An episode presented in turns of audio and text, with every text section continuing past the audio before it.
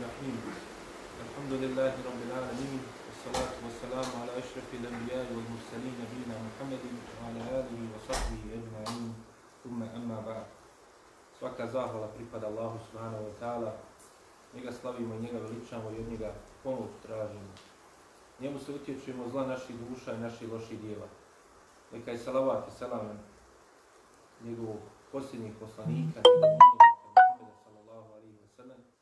njegovu častnu porodcu, sve njegove ashave i one koji slijede njihov put u sunnjega dana.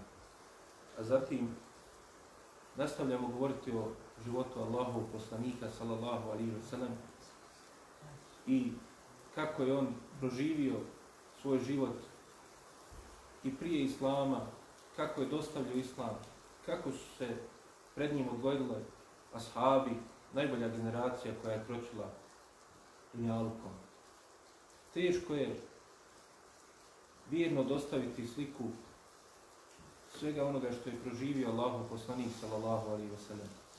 Veliki je to zadatak i ulema je uložila veliki trud da nam to što vjernije prikaže, što nam slikovitije dočara sve te događaje koji su zadesili Allahu poslanika sallallahu alaihi wa sallam. Pa molimo Allaha subhanahu wa ta'ala da nas pomogne na tome putu da spoznamo život Allahov poslanika sallallahu alaihi wa sallam i da se ukoristimo iz njega. Amin.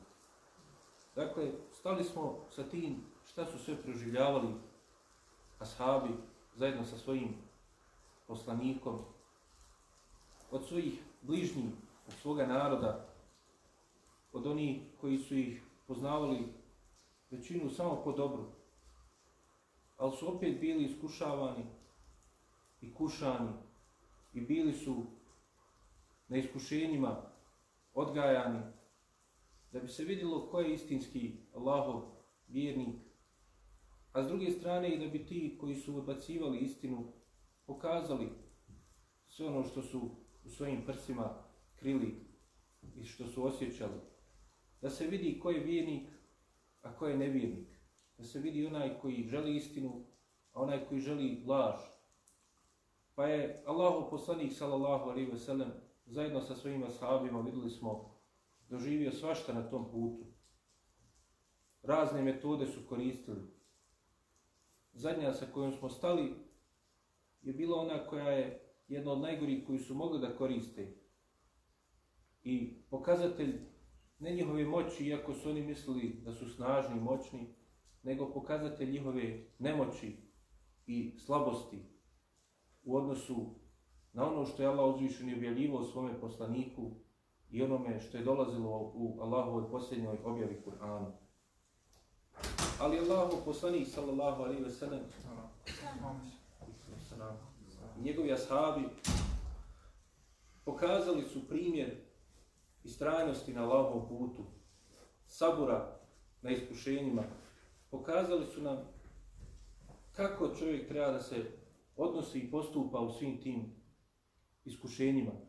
Kako da ustraje na pravom putu. U čemu da nađe snagu? Da nađe snagu u imanu, u namazu, u vraćanju Allahu i Subhanahu wa ta'ala posljednjoj objavi. Ajeti su silazili svo to vrijeme učvršćujući poslanika i njegove ashabe, ukazujući im na neke od stvari koje se dešavale im, kakva je mudrost u njima, obveseljavajući ih ako ustraju, upozoravajući ih ako skrenu i popuste na tom putu. Nešto od iskušenja kojima su bili izloženi smo već spomenuli.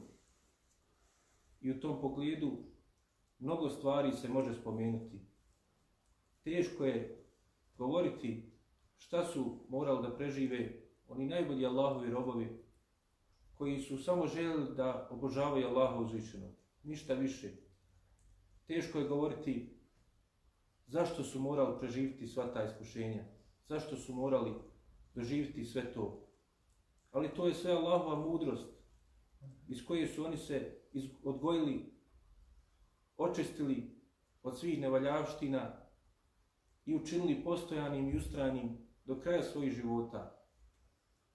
Primjer toga je porodica Jasirova, koja se navodi kao primjer toga šta su morali da prežive zlostavljani koji su preživili, a s druge strane kakav su sabor pokazali na tom putu i ustrajnost u Allahoj vjeri. Dakle, Jasir, njegova Hanuma Sumeja, njihov sin Ammar su posebno bili kažnjavani. Izlagali su ih najtežim iskušenjima i zlostavljanjima. Ono što smo spomenuli za druge, sve to su oni zajedno proživljavali i svim tim vrstama zlostavljanja njih su izlagali. Dotle, da kao što bilježi imam Hakim, izveli bi ih u pustinju, van Mekke, nisu htjeli, poštovali su svetnje, nisu htjeli to u Mekke da rade. I također, svako je u okviru, kao što smo rekli, u okviru svoje porodice, u svoga plemena, kažnjavao one koji su pripadali njima ili bili njihovi robovi ili tome slično, da pokaže svako unutar svoje kuće, unutar svoga plemena, kako se on odnosi prema onima koji su, kako su oni smatrali, skrenuli sa vjere njihovih djedova. Pa je pleme Benu Mahzum se potrudilo da oni se pokažu kako su oni najuspješniji. Pa su oni uzeli Amara i njegovu babu Jasira i majku Musumeju i odvali ih u pustinju i onda ih izlagali najgorijim mučenjima. Stavljali bi ih na suncu da se prže, pa bi stavljali kamenje na njih, pa bi im zabranjivali vodu i hranu, znači da budu žedni i gladni na tom vrelom pjesku i kamenju. Imam Hakim bilježi da je poslanik sallallahu alaihi ve sellem prošao pored njih u takvom stanju, u takvim mukama. Nije mogao ništa pomoći. Allahu poslanik, poslan od Allaha, Pa potpomognut objavom, Allah mu je mogao poslati milione meleka. Na kraju krajeva Allah kaže budi ona bude, ali da se pokaže iskreno u svačija, da se učvrsti iman u njihovim srcima, oni su to morali da prežive. Pa poslanik sallallahu alaihi ve sellem kada je naišao pred njih rekao je Sabren ale Jasir. Saburite porodco Jasira. Vaš sastanak, vaše skupljalište nije na ovome svijetu. Vi ćete se skupiti i sastati tamo gdje je najvažnije da se sastanite. Obveselio je da će njima pripasti dženet. Mav'idukum džennet. Znači, tu ćete se vi sastati. Tu ćete vječno uživati u blagodatima. A ne u ovoj kući iskušenja i prolaznih uživanja. Pa su nastavili mušici da ih kažnjavaju. Dotle da je Jasir od tih zlostavljanja podlegao i preselio. A njegova supruga Sumeja će se upisati u istoriju umeta kao prvi šehid na Allahom putu. Nju je Ebu Džehl, faraon ovoga umeta, lično uzeo sebi za zadatak da je ubije. Dakle, još prije nego što će preseliti njen muž Jasir, ubio je Ebu Džehl. Teško je izgovoriti šta je uradio taj zlotvor. A mi na našim područjima znamo kakvi znaju biti ti zlotvori, pokvarenjaci, zulumčari, koji žele da iskažu svoje nevjerstvo. Spominje se da je ovaj jedan od najvećih zlikovaca u istoriji čovečanstva, to mu je, dakle, zasluga za sve što je uradio, da će biti upisan i zapamćen do sudnjega dana, a i na sudnjemu danu, kao jedan od zlikovaca. Spominje se da je uzeo svoje koplje. Uzeo svoje koplje i s njim ovu časnu ženu probao kroz njen polni organ. I tako je ubio. Pred njenim mužem, njenim sinom, samo zato što su vjerovali Allaha subhanahu wa ta'ala. Nakon toga je preselio Jasir, a Ammar je bio pod teškim iskušenjima.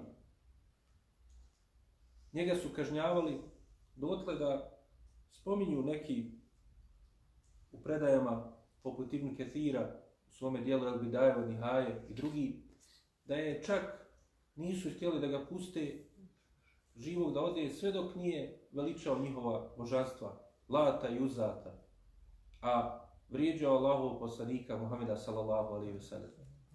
Pa u tim predajama stoji da je on to i uradio, ali istraživači i predaje kažu da one Allah najbolje zna nisu vjerodostojne.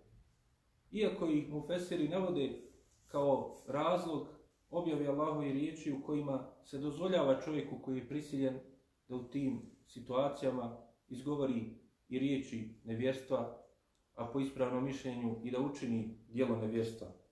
Riječi u kojim Allah uzvišeni kaže Men kefere billahi min ba'di imanihi illa men ukriha wa kalbuhu mutme innun bil iman. U kojim Allah uzvišeni kaže onaj koji iznevjeruje u Allaha nakon imana, osim kaže onaj koji je prisiljen, pa u toj prisili kaže te riječi neke ili postupak napravi, a njegovo srce je postojano, čvrsto u imanu. Dakle, ništa se nije promijenilo kod njega. Pa se spominje, kako navodi Ibn Kethir i drugi, da je došao Amar Ibn Jasir nakon što je sve to doživio što je doživio. Ali to je taj ustrajnost, ispravno shvatanje Allahove vjere, sabur na tim iskušenjima, da je on došao bojeći se da li je pogriješio, pa je rekao poslaniku sallallahu alaihi ve sellem da ga nisu pustili dok nije nešto ružno rekao njemu i dok nije veličao njihova božanstva, pa je pitao poslanik sallallahu alaihi ve sellem Amara kako si našao svoje srce, kako je u onom stanju bilo. Pa kaže čvrsto i postojano u imanu, ništa se nije promijenilo. Ja vjerujem u Allaha uzvišenog. Uprko svim tim iskušenjima, sve su to iskušenja, ali naš sastanak i sa njemu najvoljenijim, njegovim roditeljima, bit će u dženetu. Može li biti veće stvari od toga za onoga koji spozna istinsku blagodat i istinske vrijednosti i na ovome svijetu i na onome. A istinske vrijednosti su ono što je kod Allaha, ne ono što je kod ljudi od ovih prolaznih uživanja ili onoga što oni mogu čovjeku da učine na ovome svijetu. Pa kaže se, jel, da je nakon toga objavljeno ovi ajeti, da je poslanik sallallahu alaihi ve sellem rekao mu, kaže, i ako ti opet budu to tražili, ti opet isto uradi. I kao što navodi Ibn Ketir u tumačenju ovih riječi, kaže, čovjek koji je dozvoljeno da kada bude izložen takvim iskušenjima, da kaže nešto, da sačuva svoj život, da kaže ili uradi nešto, a da mu srce i dalje bude čvrsto u imanu, da se ništa u njemu ne promijeni, a u vanštini je da učini neko djelo koje će biti možda djelo nevjerstva ili kufra ili širka ili tome slično, da bi jel, sačuvao svoj život. Iako, kao što navodi Ibn Kethir, za čovjeka je bolje i sigurno da i čak i u takvim situacijama ništa ne kaže i ne uradi. I zato i navodi drugi učenjaci da ovaj, ovaj Amar nije uradio tako, nego da su ga oni Allahom voljom pustili na kraju. Dovoljno su zla učinili što su mu uzeli roditelje i kada su vidjeli da on ne odustaje, kao što i drugim slučajima smo vidjeli, kada su vidjeli čvrstinu vjere, dakle, ti ljudi koji su bili zlikovci, imali su nekog dostojanstva kod sebe, imali su neke principe, za razliku od mnogih drugih i nevjernika, i zabludjelih, dakle, pa su pustili i ovoga sahaba kao i neke druge što su pustili i nisu ih želili baš da naprave, kako oni kažu, žrtvama i povodom da drugi se prihvate vjere, iako su na kraju i takve stvari radili. Pa ćemo, jel, kao što kaže Ibn Kefir, dalje vidjeti i slučaj Bilala, dakle, koji je također bio na najgori način kažnjavan. Veliki kamen bi stavili mu na njegova prsa i govorili šta sad kažeš za Allaha, šta sad kažeš za naša božanstva. A on bi svojim prstom digao i govorio vjerujem da je on jedan. Allahu ehad. Odbacujem sva ta vaša božanstva. Radite šta hoćete, ništa mi ne možete. Ja sam čvrst u svoje vjeri. Pa su i oni na kraju ustrajavali i pokušavali da ga slome, ali nisu uspjeli. Dok Allah uzvišeni mu nije dao izlaz, pa je došao Ebu Bekr radijallahu anhu i otkupio ga i oslobodio ga od tih muka, zato što je bila bio rob, pa su oni imali pravo da rade sa svojim robovima šta hoće. Pa ga je Ebu Bekr otkupio i spasio toga i učinio jel prvakom, kao što kaže Omer radijallahu anhu, Ebu Bekr je naš prvak koji je oslobodio našeg prvaka, to jest Bilala. Također Ibn Kathir navodi i primjer Habiba ibn Zaida al-Ansari radijallahu anhu, kojeg je Allahu poslanik sallallahu alaihi ve sellem poslao još jednom velikom zulumčaru i velikom tagutu Museilemi al-Kerdabu. Poslao ga je Allahu poslanik sallallahu alaihi ve sellem nakon što je jel, ovaj ashab svašta proživio, a bio je Densarija, dakle, tako oni iz Medine, sa Allahom i poslanikom, sallallahu alaihi wa sallam, poslao ga je da pozove vođu Jemame, Museilemu Kedaba, da ga pozove islam. Pa je Museilema došao ovom Habibu i pitao ga šta kažeš za Allahov poslanika, sallallahu alaihi wa. Da li svjedočiš da je on Allahov poslanik, da je Muhammed Allahov poslanik, pa je rekao da, svjedočim. Kaže, a da li svjedočiš, alikum salam, da li svjedočiš da sam ja Allahov poslanik? Pa je rekao, nisam čuo, uši su mi začepljene, ne čujem šta govoriš. Šta ti to želiš da mi kažeš? Kaže, da li, kaže, svjedočiš da sam ja Allahov poslanik. Pa je ponovo ponovio Habib, radi Allahu anhu, nisam čuo šta kažeš. Kako da nešto tako kaže? Pa je ovaj uzo i sukao svoju sablju i rekao, presuću ti sa njom, da li kaže da sam ja Allahov poslanik? A ovaj je rekao, ne, ne kažem to. Pa je onda uzeo ovaj zulumčar, uzeo svoju sablju pa mu je osjekao ruku, pa mu ga je opet pitao. I opet je Habib odbio da to kaže. Pa je, kaže, isjekao mu sve njegove udove, ali Habib nije rekao te riječi nevjerstva. I na kraju mu je i oduzeo život. Ali nije htio da kaže riječi nevjerstva. Pa makar je život išao. Šta mu na kraju je oduzeo? Oduzeo mu je prolazni ovaj dunjaluk a njemu pripada džennet, a ovo je pripada i poniženje na ovome svijetu na osnovu onoga kada vidimo kako je na kraju završio taj pokvarenjak, a da ne govorimo šta ga čeka kod Allaha uzvišenog za njegovo nepravedno postupanje. Pa dakle, ashabi su pokazali se ustrajni i postojani, čvrsti, zato što su se odgojili pred Allahom i poslanikom, sallallahu alaihi wa sallam. Zato što su u onoj kući Erkamovoj i poslije, jel, ovi od Ensarija, družeći se sa poslanikom, sallallahu alaihi wa sallam, sa njegovim ashabima, odgojili se na temeljima Kur'ana i Sunneta, onda ispekli se na iskušenjima, pa je njihova srca su bila postojana i čvrsta. I to je bila njihova najveća snaga. Ne snaga njihovih tijela, njihovog imetka, njihovih, njihove vojske i tome slično, nego je snaga bila u tom imanu koji su nosili u svojim srcima. I zato su govorili jedni za druge, ne hvalijeći se, nego ističući činjenicu i veliku blagodat koju je Allah podario. Kaže, kada bi vidjeli dženet i džehennem, ne bi nam povećao nimalo ubjeđenje više što smo ga vidjeli. Čovjek kada nešto vidi, iako zna i opis i čuo je, možda vidio i na slikama, ali kad vidi svojim očima nešto, to mu poveća jel, i ubjeđenje i uvjeri se istinski u nešto. Ali ovi ashabi koji su se ovako odgojili pred najboljim Allahovim robom, oni su bili u takvom stanju imana da i ne bi više povećalo imana ni koliko trud to što bi vidjeli dženet i džehennem. Također, ovdje treba isteći upravo tu ulogu kako Allah uzvišeni daje izlaz iz tih iskušenja.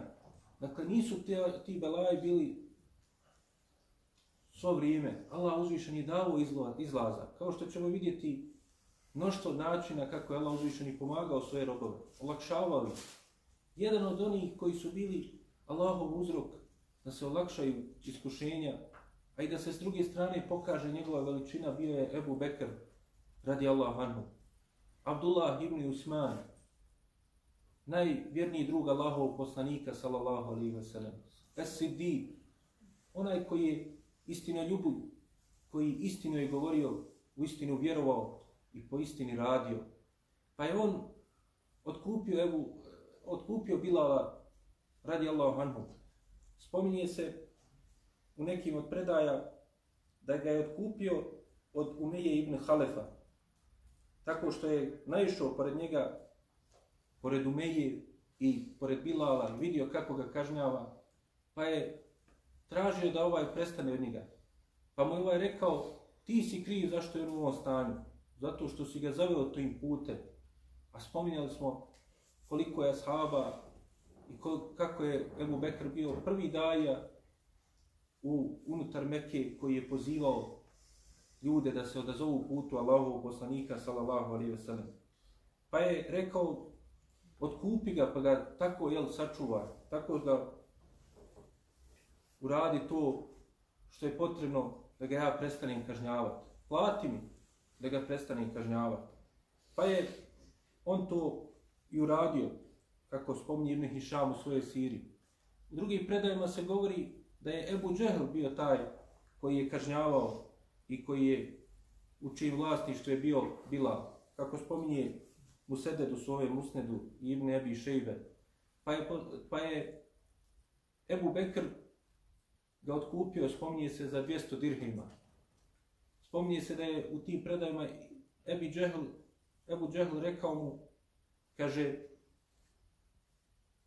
da si mi dao i manje od toga, ja bi ti ga prodao. A Ebu Bekr mu je rekao da si tražio puno više od toga. Hiljade i hiljade dirhima, ja bi ti dao da ga otkupim iz toga što mu ti radiš, samo zato što je on Allahov rob. Allah najbolje zna, kao što spominje Ibn Hajar u Fethul Bariju, i Umeje Ibn Halef i Ebu Džehl zajedno su kažnjavali ovog časnog ashaba Bilala, jer to su bili jarani u tom kufru i međusobno su u mnogo situacija bili kada su i kažnjavali i drugi ashabe i Allahov poslanika sallallahu alejhi ve sellem i vrijeđali i pokušavali da mu naškode.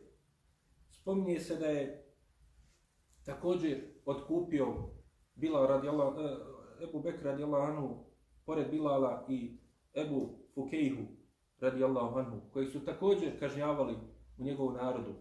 Pa je Ebu Bekr naišao i odkupio ga kada je također mu rekli ti si kriv za ovo čemu je on izložen. Također je spasio i odkupio Amira ibn Fuheru radi Allahu anhu i oslobodio ga iz onoga u čemu je bio. Amir ibn Fuhire je bio učesnik bitke poslije na Bedru i na Uhudu. Nakon toga je preselio kao šehid četvrte godine po Hidžri. Također, Ebu Bekri oslobodio robkinju kojo je ime Zemira. Nju su kažnjavali na najgori način tako da je oslijepila od tog mučenja. Pa su, kako spominje Ibn Ketir, Vel Bidajeva Nihaje i Bejhek i Udelajelu Nobuve, kaže, oslijepila je od tog učenja, pa su rekli, radujući se, to je lat i uzat, tebi uzo vid, zato što si skrenula sa pravog puta, krenula putem zavude. Pa je ona njima rekla, ne tako mi je Allaha, ne mogu oni ni štetiti ni koristiti. Pa je Allah uzvišeni nakon toga njoj vratio vid. I također je Ebu Bekr radijallahu anhu je oslobodio.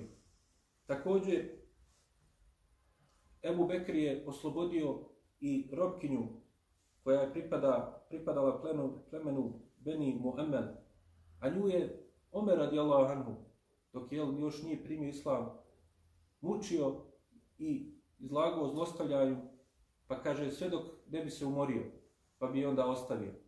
Pa je nakon toga Ebu Bekr radijallahu anhu i nju oslobodio.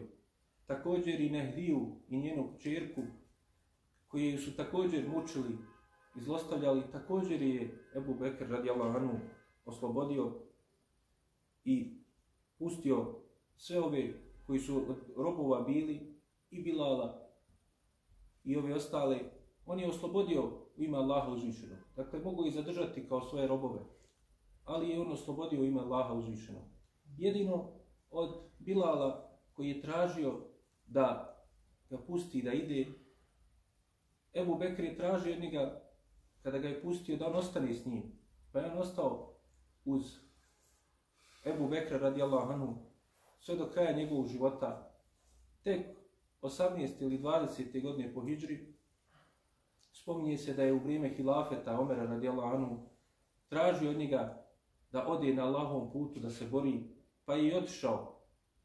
I otišao je na područje Šama i tamo je poravio sve dok nije preselio kao šehid u velikoj kugi koja će zahvatiti područje tadašnjih Šama, tačnije na teritoriji Palestine i onda i preselio. Kada se spominju ove stvari šta je sve Ebu Bekr uradio, velika je vrijednost to što je uradio, ali još, još veća je vrijednost to kako je Allah uzvišeni ga ispomenuo zbog toga.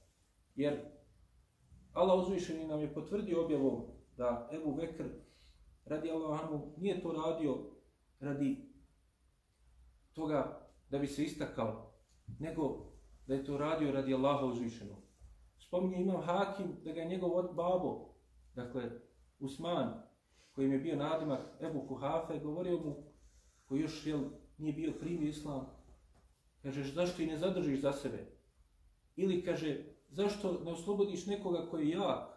Znači, sve su bili slabi i potlačeni, nisu imali neke snage, nisu imali neke velike sposobnosti, pa kaže zašto ne uzmeš nekog groba i otkupiš koji je jak, koji te može puno pomoći. Pa je Ebu Bekr radijallahu ono govorio, ja ovo ne radim radi toga da bi ljudi to nešto mene isticali ili radi ti neki koristi dunjalički, nego ovo što radim, radim, kaže, radi Allaha uzvišenog.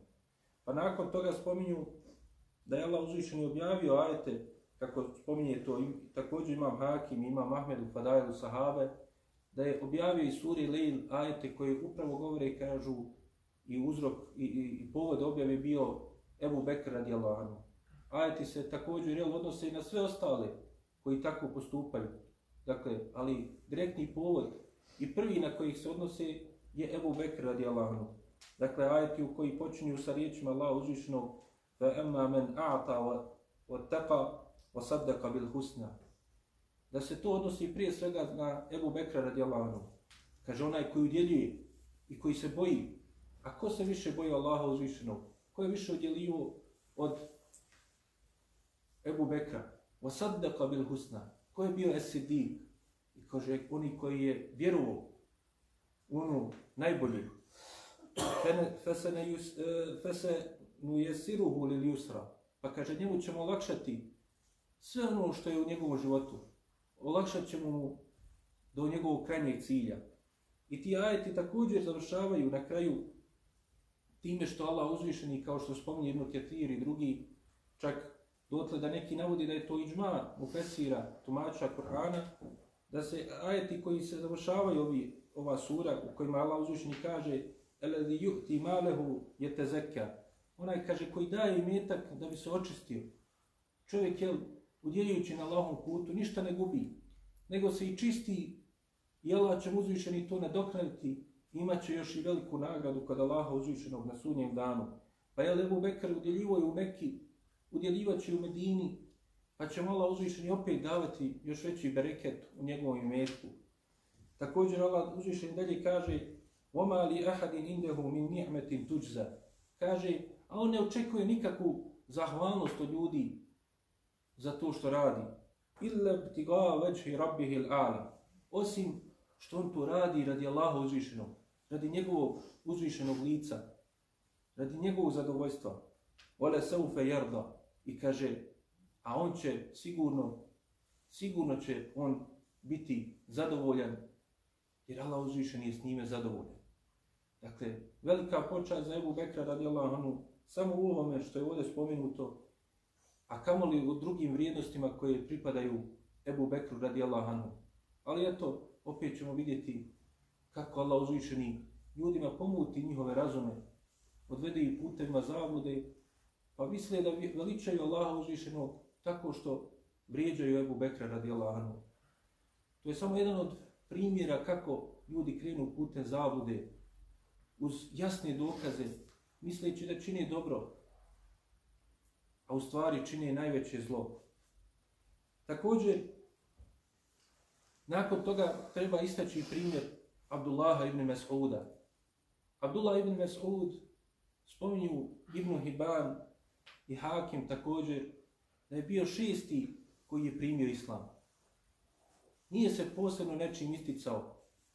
Čak njegov izgled je bio takav da je imao vrlo tanke noge.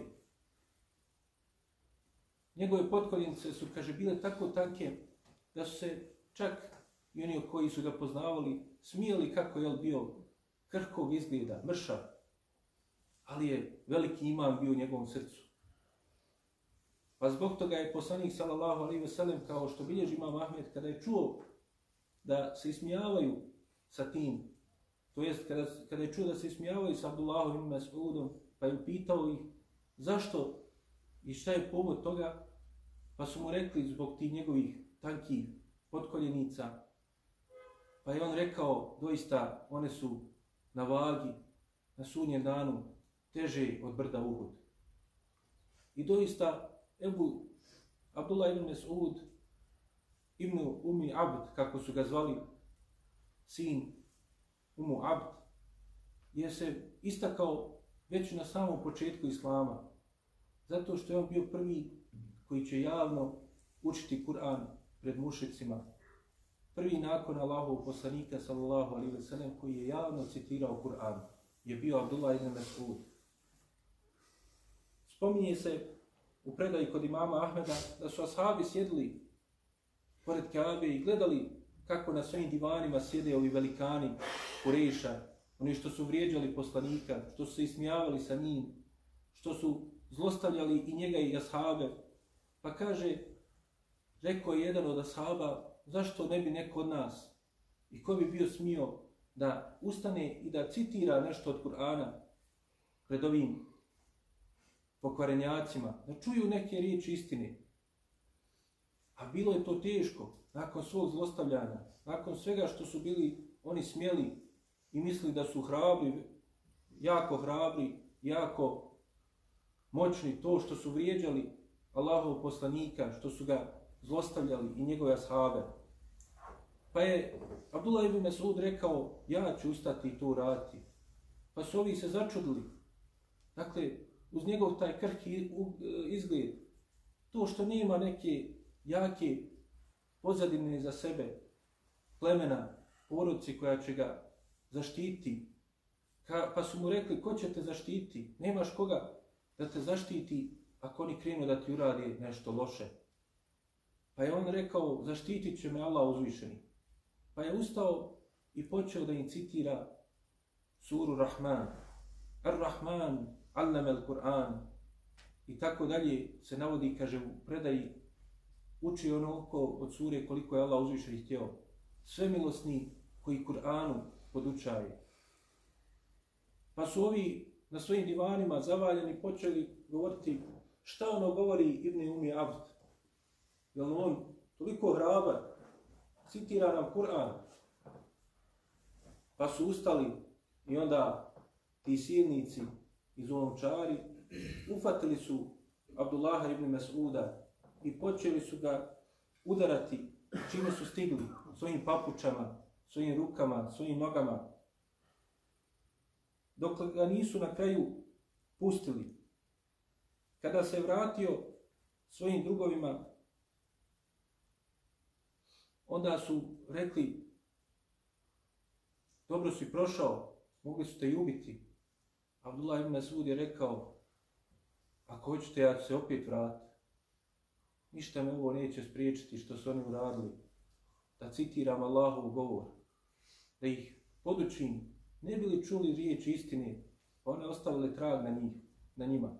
Pa su oni rekli, dovoljno si uradio, čuli su, nema potrebe da ponovo ideš. Bojeći se šta bi uradili sa njim.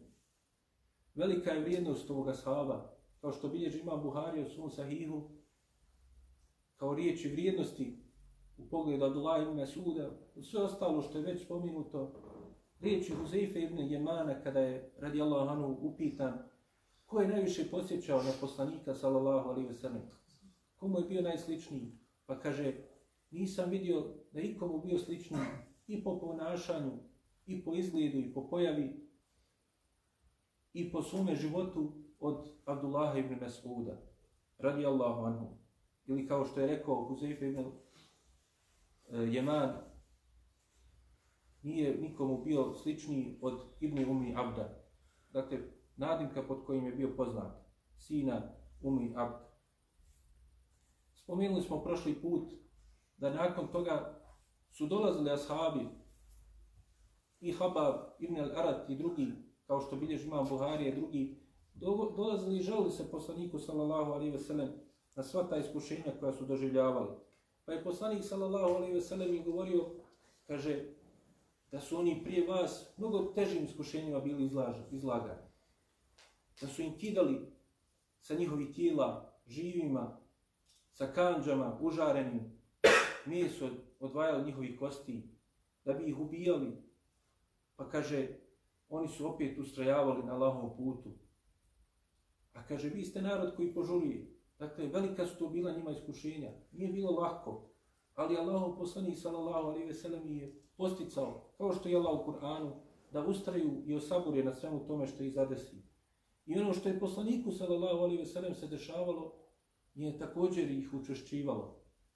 A Allah uzvišen je dao izlaza, kao što je smo vel, spomenuli primjer Ebu Bekra i poslaniku sallallahu alejhi ve sellem u jednoj situaciji sa Ebu Bekrom se desilo nešto čudnovato. Jer Umu Džemil, ona prethodno spominuta žena Ebu Lehova, Lehebova, dakle, žena njegovog Amidži, koja je bila vrlo smjela i zbog toga je spominuta u suri Mesed uz svoga muža, da je prokleta. Pa je ona kada je čula te riječi, kako bilježi imam hakim, odlučila da ode, da se ona obračuna sa poslanikom, sallallahu alaihi veselam. Vrlo hrabra. Pa je došla kod Ebu Bekra, a s kojim je bio Allahov poslanik sallallahu alaihi ve sellem. I vidio je Ebu Bekr da ona ide i da je vrlo ljuta, spremna svašta učiniti. Bila je jel, od uglednica u plemenu Kurejiš, moćni žena, pa se poboje Ebu Bekr za poslanika sallallahu alaihi ve sellem. Ali mu je Allahov poslanik sallallahu alaihi ve sellem rekao da se ne brini. Pa kaže, kada je došla do njih, a sjede Ebu Bekr je Allahov poslanik, ona je upitala Ebu Bekra, gdje je onaj tvoj drug? Da mu ja pokažem kakve on riječi izgovara proti mene. Pa je Ebu Bekr rekao, rekao, bio začuđen, šokiran. I ona je otišla nakon toga. Dakle, Allah uzvišen i dao da ona ne vidi Allahov poslanika, sallallahu alaihi ve sellem, iako je sjedio pred njom. Pa je zakonio i stavio joj jel, pred njenim očima pregradu da ne vidi Allahovog poslanika sallallahu alaihi ve sellem. Također Umej ibn Halef i njegov brat Ubej ibn Halef velika je pouka u onome što se njima desilo. Umej ibn Halef je bio jedan od tih koji su bili predvodnici koji su vrijeđali poslanika sallallahu alaihi ve sellem i zlostavljali njegove ashabe. Pa je dao Allah uzvišeni da se objavi riječi i objavi sura u kojima se upravo govori o njemu. Dakle, sura Hemeze govori upravo o njemu, zato što je on bio podrugljivac. Vajilun li kulli humezetin lumeze. Allah uzvišen je objavio, dakle, suru u kojoj govori o njemu.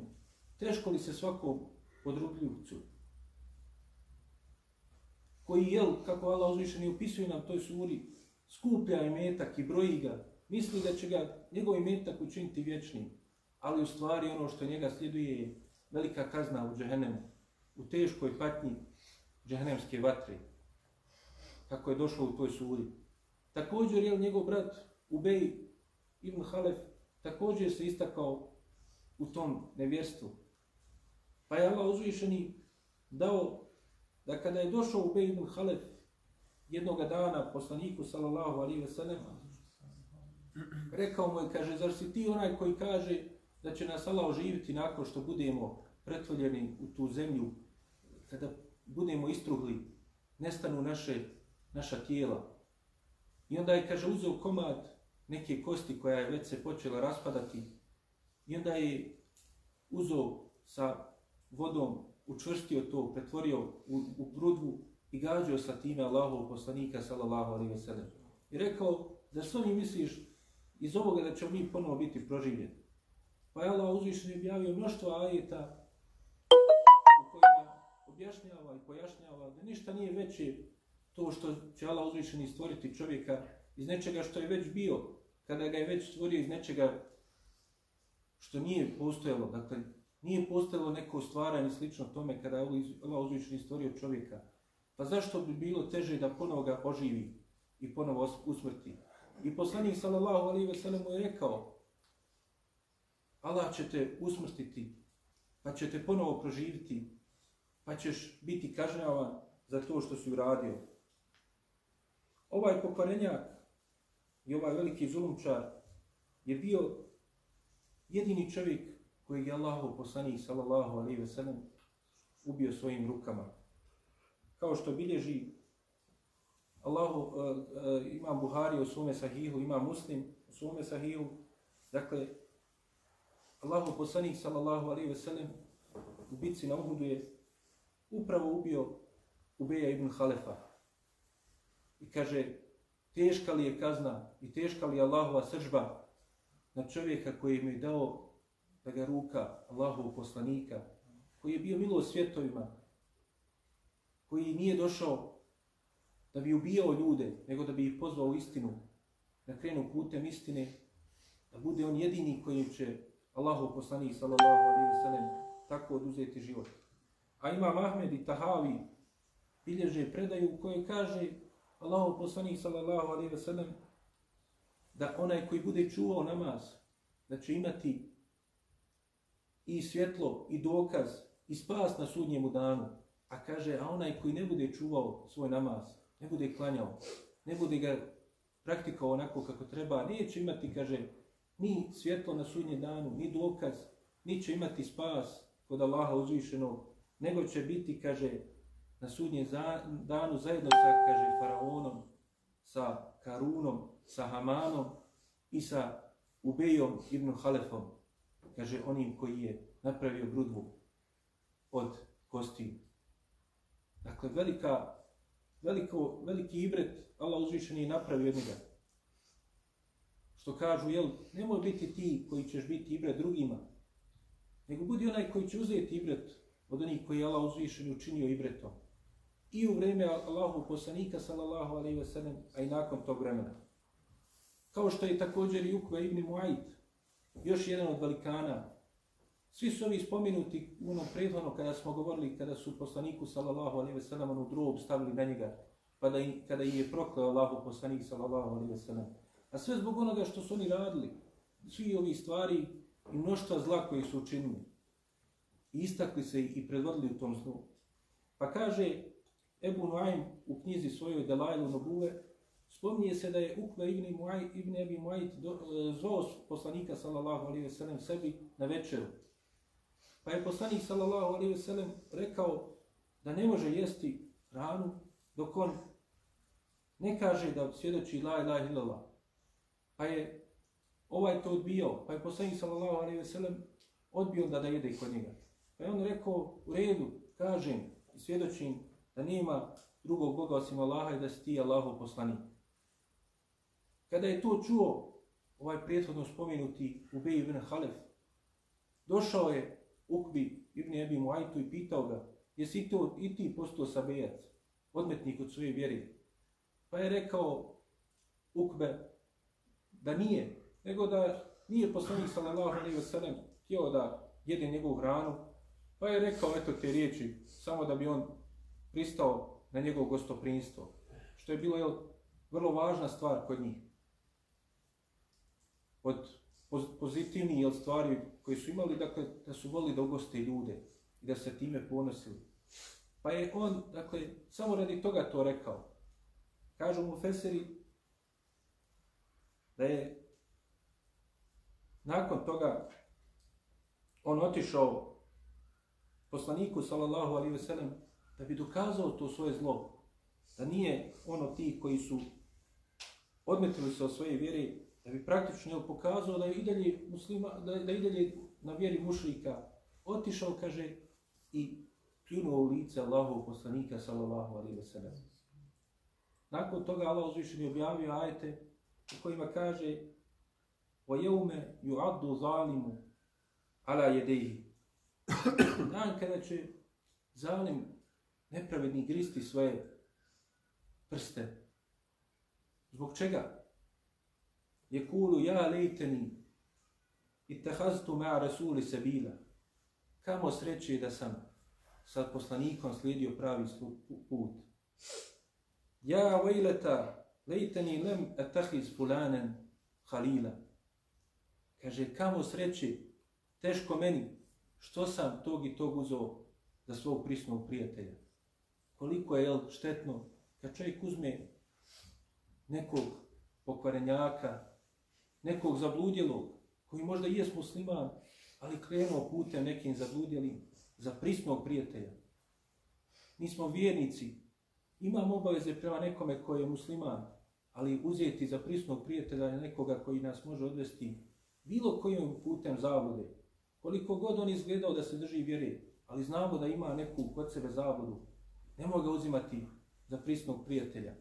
Ne da mi budemo od onih koji ćemo na sudnji danu morati ovakve riječi govoriti. Jer kaže dalje, lekad edaljeni ani zikri, bade id džaeni. Kaže, on je, u, on je spriječio da sredim i odveo me u zavodu da ostavim zikr, da ostavim Kur'an nakon što mi je došao. Wa kana shaytanu lin insani khazula. Allah uzvišeni kaže i govori imaju šejtani od ljudi i od džina. Šejtan uvijek čovjeka ostavi na, nje, na cjedlu. Kada mu je najvažnije, nakon što ga odvede na za, u zavodu, kao što ćemo vidjeti inšala i ubici na bedru, kada su jel, oni se osmjelili i kada je šeitan došao u liku, Iblis došao u liku čovjekovom i kada je nagovarao i posticao na zlo, a onda kada je vidio Allahovu vojsku, onda je počeo da bježi i rekao njima, ja vidim ono što vi ne vidite. Ostavio je na cjedlu. Tako i taj prisni prijatelj koji te povede tom zabludom, ostavit ćete na cjedlu kad tad. A također i na sudnjem danu odricat će se oni koji su predvodili druge u zabludu, govorit će mi nismo imali nikakve vlast nad vama, Mi smo vas samo pozivali u to. A svako će za sebe odgovarati kako je postupao. Dakle, iz ovih svih dešavanja koji su zadesili Allahu poslanika i njegove sahabe, velike su porike u tome što su bili iskušavani. Da vide, jel, kao prva stvar, kolika je velika Allahova moć i snaga, a ne tih ljudi. I da vide, jel, koliko je čovjek mala ličnost, koliko je on slabašan, da pokaže jel, svoju poniznost pred gospodarom svjetova. Zato jest došlo u ajetima kojima govori se o tim iskušenjima, da se kaže inna lillahi wa inna ilaihi rađimu. Mi smo Allahovi i njemu se vraćamo. Tu je ta dakle vrijednost istinska. Mi smo Allahovi, svi smo mi Allahovi robovi. I ti zalimi i mi slabašni, svi smo mi istinski slabašni.